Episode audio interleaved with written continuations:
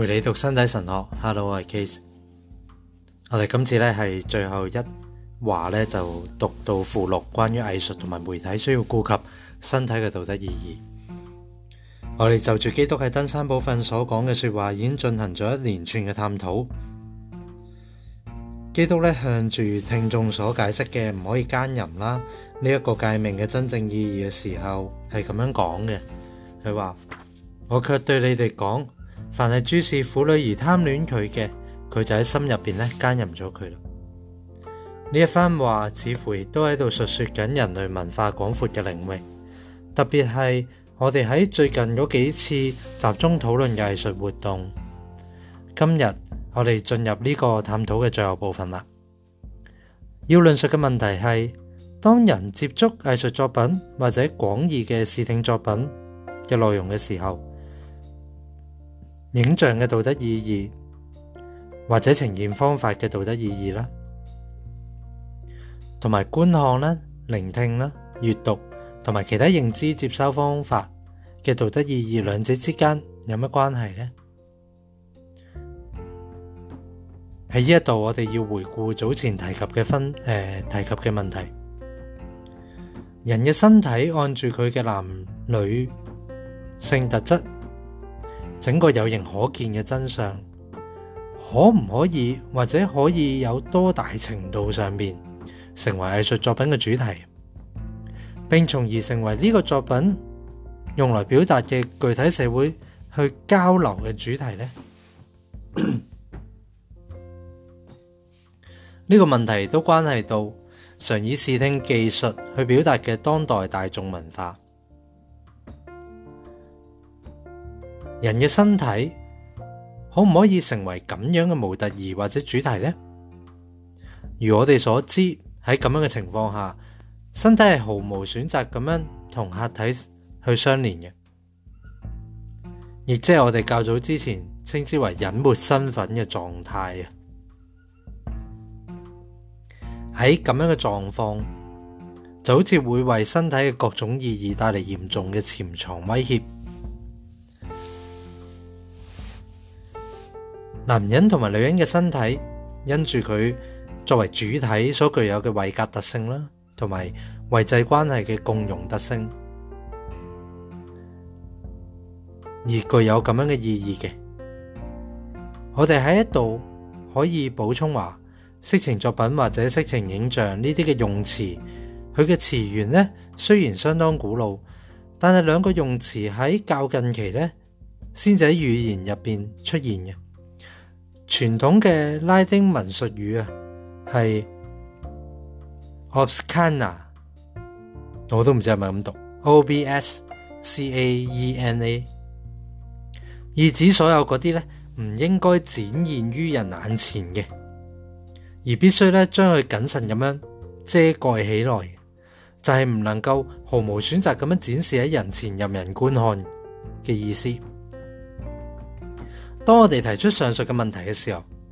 我哋发现其实喺人类文化同埋艺术活动嘅整个发展时期入边，人嘅身体一直以嚟都系视觉艺术作品嘅模特儿或者主题，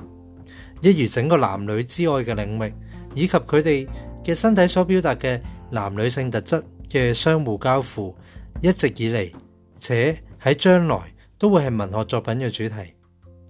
咁样嘅叙述亦都可见于圣经。尤其系阿哥，我哋稍后咧会另作讨论嘅。喺第诶一百零八次嘅时候咧，我哋会讨论。实在我哋必须要注意，喺整个文学或者艺术史入边，喺人类文化嘅历史入边，呢个主题似乎出现得特别频繁啦，而且亦都特别重要。事实上，呢个主题关乎一个重大嘅问题。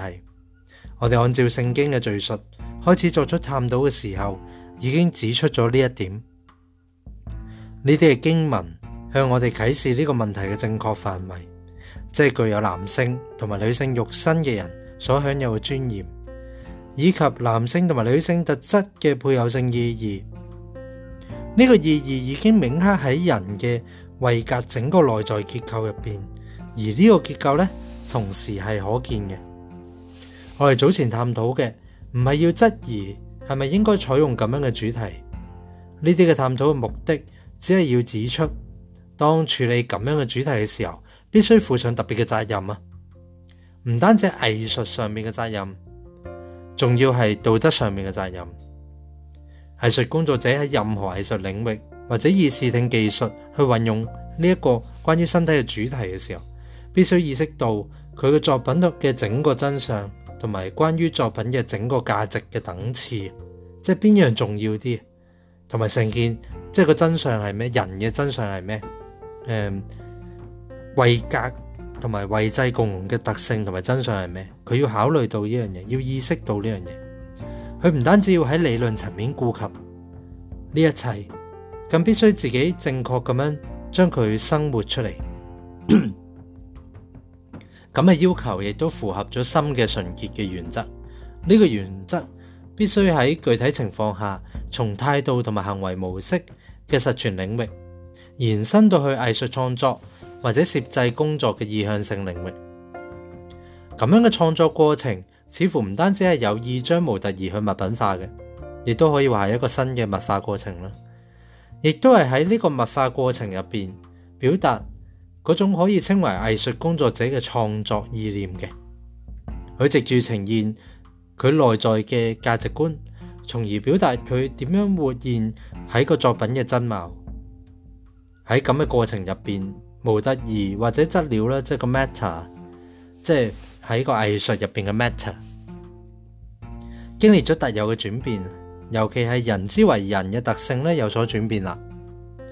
呢個特性咧就係呈現男性同埋女性特質整個爭議嘅人嘅身體。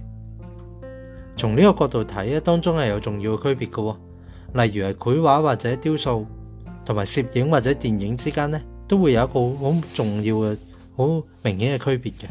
嗰種轉變係唔同嘅咁樣。觀看者获得藝術工作者嘅邀請，觀賞佢嘅作品嘅時候，所交流嘅唔單止只係作品嘅物品化。如此喺某個程度上，亦即係唔止係模特兒或者個質料嘅一個新嘅物化過程，即係唔係淨係講點樣將人嘅身體物化喺觀看呢個藝術作品嘅時候，而係同時交流作品嘅實相。嗰個係創作者喺藝術物化過程入边，以佢特定嘅媒體咧去成功表達到出嚟嘅。從古至今嘅各個時代入边，特別係古典希臘。藝術嘅重要時期出現咗唔少以裸體誒裸赤裸人體為主題嘅作品。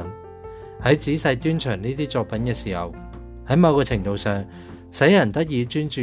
喺人嘅整個真相之上，注意到男性同埋女性特質所具有嘅尊嚴同埋美麗，甚至係超越感官可以感知嘅美麗。呢啲作品本身隱隐含住猶如係升華嘅元素。引导观看者通过身体睇到人嘅整个位格嘅奥秘。我哋接触呢啲作品嘅时候，佢嘅内容唔会迫使我哋好似登山宝训所讲注视而贪恋嘅，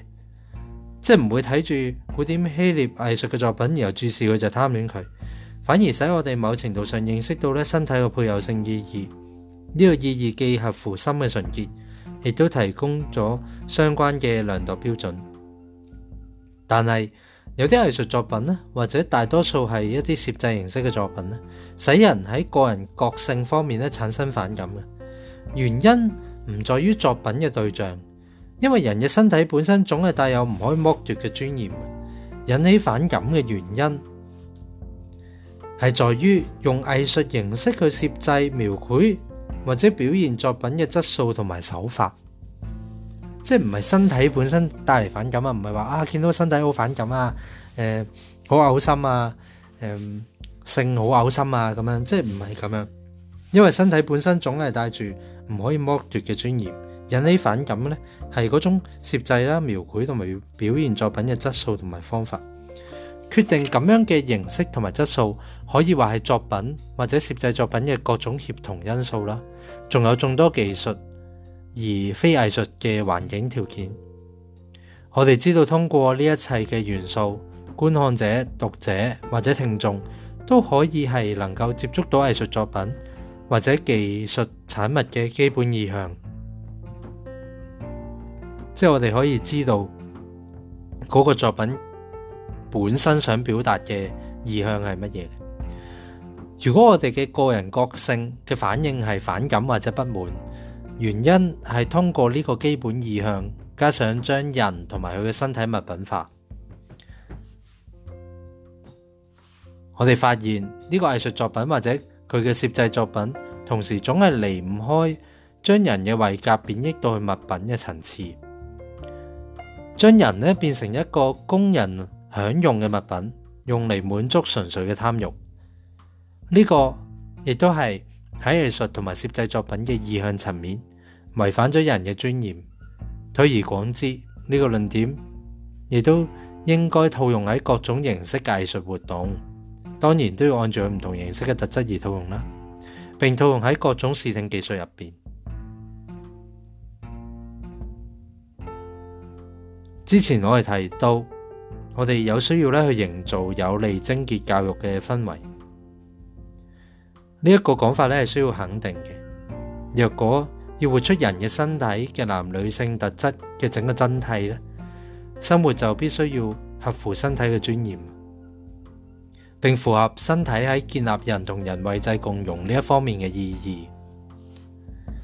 我哋可以咁样讲啊，呢个系人类文化嘅基本向导之一，可以被理解为一种使一切属于人嘅都获得尊贵地位嘅肯定。正系为咗呢个理由。我哋先就住呢个问题咧，作呢几次嘅论述。而呢个问题可以综合咁样称为影像嘅道德意义啊。呢个影像以特有嘅方式，使人可以成为可见嘅。而呢个可见呢个词语咧，或多或少以直接嘅意思去理解啊，即系真系可以见到啊，视觉啊。喺視覺上面產生咗一個你可以去觀察佢雕塑或者繪畫嘅影像，以視覺嘅方式去表達人啦；戲劇或者芭蕾舞則通過另一種形式，以視覺嘅方式去表達人啦。電影又採用另一種形式啦，文學啦，甚至係文學都有佢特有嘅方式，嘗試借助人豐富嘅想象力同埋記憶力，引發內在嘅影像。嗰个我哋称为影像嘅道德意义，呢个元素系唔应该抽离，自与之彼此关系嘅另一元素，即系我哋必要称之为观看嘅道德意义，即系制作呢个影像产生呢种影像嘅，成为可见嘅，佢有佢道德嘅意义啦。观看嘅人咧都有佢道德嘅意义嘅，咁啊系唔应该抽离呢个彼此嘅关系。整個交流嘅過程啊，communication 一邊就有影像產生，一邊就觀看啦。整個交流過程存在喺呢兩個元素之間，不論呢個交流涵蓋範圍有幾廣泛，亦然啦。呢個範圍廣泛嘅交流，往往就係社會性嘅，即係人同人之間嘅關係嚟嘅。OK，營造有利精緻教育嘅氛圍，包括咗呢兩個元素，亦即係話。係關乎一個出現喺影像同埋觀看嘅行動之間，影像嘅道德意義同埋觀看嘅道德意義之間嘅相互循回。正如廣義或者多重意義嘅影像創作，唔單止係賦予作者、藝術工作者或者摄制者美學方面嘅義務，即係佢要又要有責任要去 fulfill 到美嘅要求啦，即係整靚佢要整得好睇啦，咁样。亦都賦予佢哋咧道德方面嘅義務啊，因此觀看亦都賦予作品嘅受眾咧一啲義務嘅。你整個視覺影像出嚟有一個道德嘅要求，要去考慮人作為位格被誒被重新去物品化，成為一個藝術作品有一個道德意義嘅，會唔會损毁佢嘅位格同埋位制關係呢？位制共用嘅特性呢？咁樣。咁睇嘅人都有同樣嘅意義嘅，都賦予一啲嘅義務。真正同埋負責任嘅藝術活動咧，傾向拒絕將人嘅身體成為隱沒嘅身份，同埋毫無選擇咁樣成為一種物品。即係如果講藝術作品係將人咧變成一種毫無選擇嘅物品啊，隱沒佢真正嘅身份嘅人嘅實相咧，就傾向應該要去拒絕佢。如早前所述，咁样嘅活动咧，致力通过佢嘅创作嘅努力，以艺术嘅形式表达人嘅肉身性嘅真谛，以至呢个真谛犹如指定俾观看者作为佢嘅责任，并按住佢可以触及嘅最广阔范围，扩展到作品嘅每一个受众。至于受众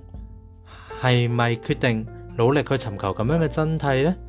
或者只系满足于作呢啲？面貌嘅一個膚淺嘅消費者咧，亦即係話喺接觸呢個隱沒身份嘅主題身份，誒主題身體嘅時候，即係接觸咗呢個，即係已經冇咗 identity 啊，嗯，已經佢位格受到損害嘅一個咁嘅主題嘅身體嘅時候，取決於受眾咧係咪梗喺感官層面利用咁樣嘅接觸，而感官就按其本質正係毫無選擇咁樣對呢啲物品作出反應。即係睇嘅人係咪諗住成為一個膚淺去消費呢個身體嘅人？咁會取決於受眾呢係咪去尋求呢一種嘅滿足，定係呢诶一種更加廣闊去表達人嘅意義嘅真谛？喺呢一度，我要就住呢一張有關身體神學嘅重要探討呢作結啦。我哋嘅探討起點係基督喺登山部分嘅说話，佢嘅話對於各個時代、各個地域嘅人。同樣有效，既適用於舊恩歷史入边嘅人，亦都適用於我哋每一個人。然而，如果我哋唔討論基督嘅其他说話呢，亦即係佢诉诸未來復活嘅说話，咁樣有關身體神學嘅探討呢，就唔會完整嘅。因此，我哋將會喺誒下一輯啦，即係第三輯啦，集中去討論呢基督點樣去掃豬復活。咁我哋下次再讀啦，咁就係第第三輯啦。